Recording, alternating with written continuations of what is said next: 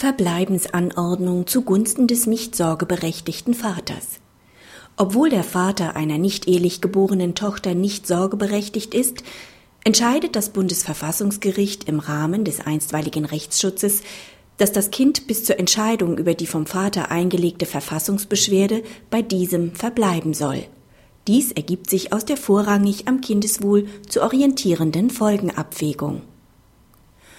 Der Vater einer im Januar 1998 nicht ehelich geborenen Tochter wendet sich gegen die vorläufige Übertragung des Aufenthaltsbestimmungsrechts für seine Tochter von der bislang allein sorgeberechtigten Mutter auf einen Pfleger. Ursprünglich stand der Mutter das Sorgerecht alleine zu. Im Frühjahr 2008 verließ die Mutter die bis dahin mit dem Vater und dem Kind gemeinsam bewohnte Wohnung. Das Kind blieb beim Vater. Die Mutter beantragte beim Amtsgericht die Herausgabe des Kindes. Der Vater begehrte im Gegenzug eine Verbleibensanordnung und im späteren Verfahrensverlauf die Übertragung des Aufenthaltsbestimmungsrechts auf ihn.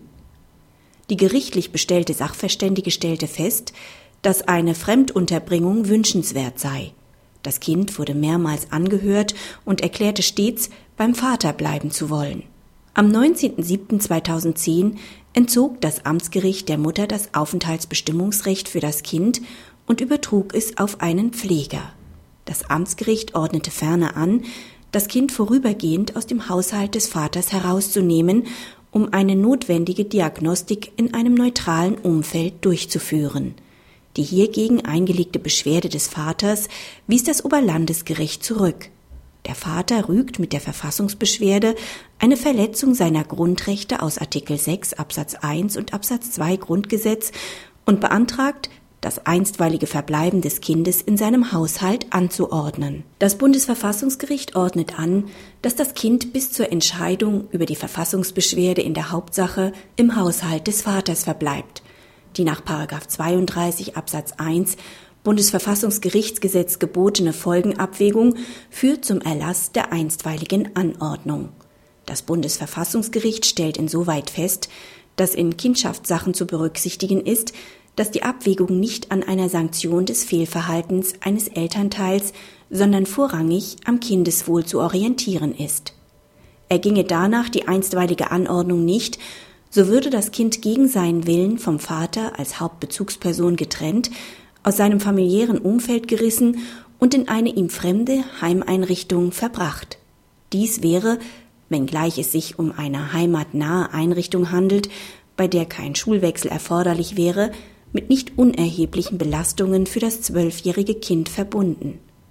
Erwiese sich die Verfassungsbeschwerde nachfolgend als begründet, wäre ein nochmaliger Aufenthaltswechsel des Kindes zurück zum Vater zu erwarten. Ein solcher mehrfacher Wechsel der unmittelbaren Bezugsperson und des Wohnumfelds beeinträchtigten das Kindeswohl im wesentlichen Maße. Da die Nachteile, die dem Kind im Falle des Erlasses der einstweiligen Anordnung drohen, weniger schwer wiegen als die Nachteile, die dem Kind und dem Vater im Fall der Versagung des Erlasses der Anordnung entstehen könnten, ist die Anordnung wie beantragt zu erlassen. Praxishinweis Abermals zeigt sich, wie sich die Stellung des nicht-ehelichen Vaters zuletzt verbessert hat. Seit der Entscheidung des Europäischen Gerichtshofs für Menschenrechte vom 3.12.2009 und der Entscheidung des Bundesverfassungsgerichts vom 21.07.2010 ist klar, dass der grundsätzliche Ausschluss einer gerichtlichen Überprüfung der ursprünglichen Übertragung der elterlichen Sorge allein auf die Mutter nicht verhältnismäßig ist zu dem berechtigten Ziel des Schutzes des Kindeswohls. Deutlich wird in der Entscheidung aber auch, dass gerade im vorläufigen Rechtsschutz nicht formale Rechtspositionen dem Kindeswohl vorgehen, sondern darüber zu befinden ist.